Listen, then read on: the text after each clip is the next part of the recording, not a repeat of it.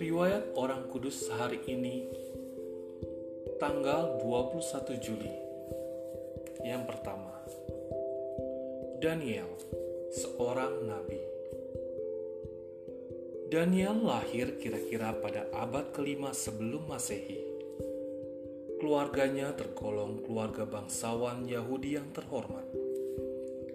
Kisah hidup masa kecil dan saat kematiannya tidak diketahui dengan pasti. Ketika Yerusalem jatuh di tangan bangsa Babilonia pada tahun 587 sebelum Masehi, beberapa pemuda dari keturunan raja dan dari kaum bangsawan Yahudi dibawa ke Babilonia untuk bekerja sebagai pegawai di istana raja. Syaratnya ialah mereka tidak boleh bercacat celah, berperawakan baik, memahami berbagai hikmat, berpengetahuan luas, dan mempunyai pengertian tentang berbagai ilmu. Di Babilonia, pemuda-pemudi itu diajari tulisan bangsa orang Kasdim agar bisa membantu raja. Lihat di Daniel bab 1 ayat 3 sampai dengan 6. Di antara mereka terdapat Daniel bersama tiga orang kawannya, yaitu Hanaya, Misael, dan Azaria. Ketiga-tiganya berasal dari suku Yehuda. Nama mereka diganti dengan nama baru, yaitu Beltasar untuk Daniel, Sadrak untuk Hanaya, Mesak untuk Misael, dan Abednego untuk Azaria. Mereka dijamin dengan baik sekali oleh raja. Raja memberi mereka makanan dari bagiannya sendiri dan anggur pilihan yang biasa diminum raja. Meskipun demikian, Daniel memutuskan tidak menajiskan dirinya dengan makanan dan minuman raja itu. Sebagai pahalanya, Allah mengaruniakan kepadanya kasih dan perlindungan dari pemimpin pegawai istana raja. Allah juga memberikan kepada Daniel dan ketiga kawannya pengetahuan dan kepandaian tentang berbagai tulisan dan hikmat. Daniel sendiri diberi berbagai penglihatan dan mimpi. Lihat Daniel bab 1 ayat 8 sampai dengan 17. Dengan karunia-karunia itu, Daniel meramalkan datangnya kerajaan mesianis Allah yang akan menggantikan kerajaan-kerajaan dunia. Coba lihat di Daniel bab 2. Cerita-cerita dari bagian pertama kitab Daniel, misalnya tentang pembebasan ketiga kawannya dari tanggul api yang menyala-nyala. Bab 3 dan pembebasan Daniel dari mulut singa bab 6 menunjukkan kekuasaan Allah atas manusia.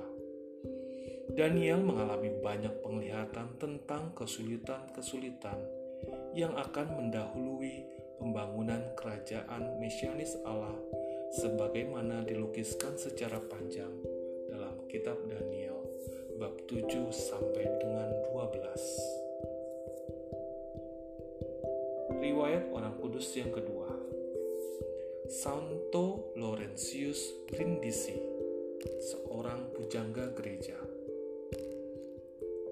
Kesan pertama yang cukup mencolok dari pribadi Laurentius Brindisi ialah bahwa ia adalah seorang ahli bahasa. Di samping bahasa ibunya sendiri yakni bahasa Itali, Laurentius mahir berbicara dalam berbagai bahasa asing seperti Ibrani, Yunani, Jerman, Bohemia, Spanyol, dan Prancis. Keahliannya ini sangat membantu dia untuk mempelajari kitab suci dan menikmatinya dalam bahasa aslinya. Laurentius lahir di Italia pada 22 Juli tahun 1559 dari pasangan William dan Elizabeth Rousseau. Nama yang diberikan kepada Laurentius ketika lahir ialah Julius Caesar. Kedua orang tuanya meninggal dunia ketika Julius menginjak usia remaja. Selanjutnya, ia dipelihara oleh pamannya dan disekolahkan di Kolose Santo Markus du Venice. Ketika berusaha berusia 16 tahun, ia masuk biara Fransiskan Kapusin di Venesia. Sejak itu, namanya diganti menjadi Laurentius. Ia kemudian melanjutkan pendidikan di Universitas Padua dalam bidang filsafat dan teologi. Akhirnya, ia ditakbiskan menjadi imam pada usia 23 tahun. Karena kemampuan dalam bidang bahasa, Laurentius dengan mudah dapat mempelajari kitab suci dalam bahasa aslinya. atas permintaan Paus Clemens ke-8 tahun 1592 sampai 1605, Laurentius banyak berkhotbah di Italia bagi golongan Yahudi. Kemahirannya berbahasa Yahudi meyakinkan para rabi bahwa ia seorang Yahudi yang beragama Kristen. Laurentius sangat terkenal di kalangan umat ia seorang imam yang baik dan sangat peka terhadap kebutuhan umatnya. Maka ia ditunjuk sebagai pemimpin biara Kapusin di Tuscany pada usia 31 tahun. Kemudian ia terpilih menjadi superior jenderal ordonya pada tahun 1602. Selain itu, ia juga ditunjuk sebagai pembantu terdekat dan penasihat Paus. Tugas-tugas yang dibebankan kepadanya membutuhkan suatu kebijaksanaan yang tinggi. Ia ternyata mampu melaksanakan semua tugas itu dengan sangat berhasil.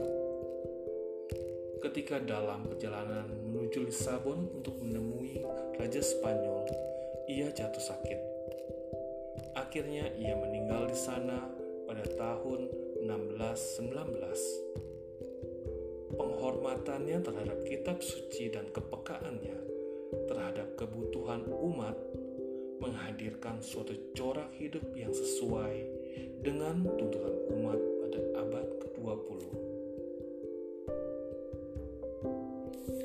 Riwayat orang kudus yang ketiga Santo Victor dari Marseille seorang martir. Victor berarti pemenang. Nama ini diberikan sebagai penghormatan kepada beberapa orang martir yang menurut berbagai tradisi dianggap mati sebagai saksi iman pada abad ketiga atau abad keempat. Salah satu martir yang terkenal dari antara mereka itu ialah Victor dari Marseille, Prancis. Beliau berhasil menobatkan ketiga penjaganya di penjara menjadi Kristen dan kemudian bersama-sama mereka itu menjalani hukuman mati karena kekristenan mereka. Terima kasih sudah mendengarkan riwayat orang kudus untuk hari ini. Tuhan memberkati.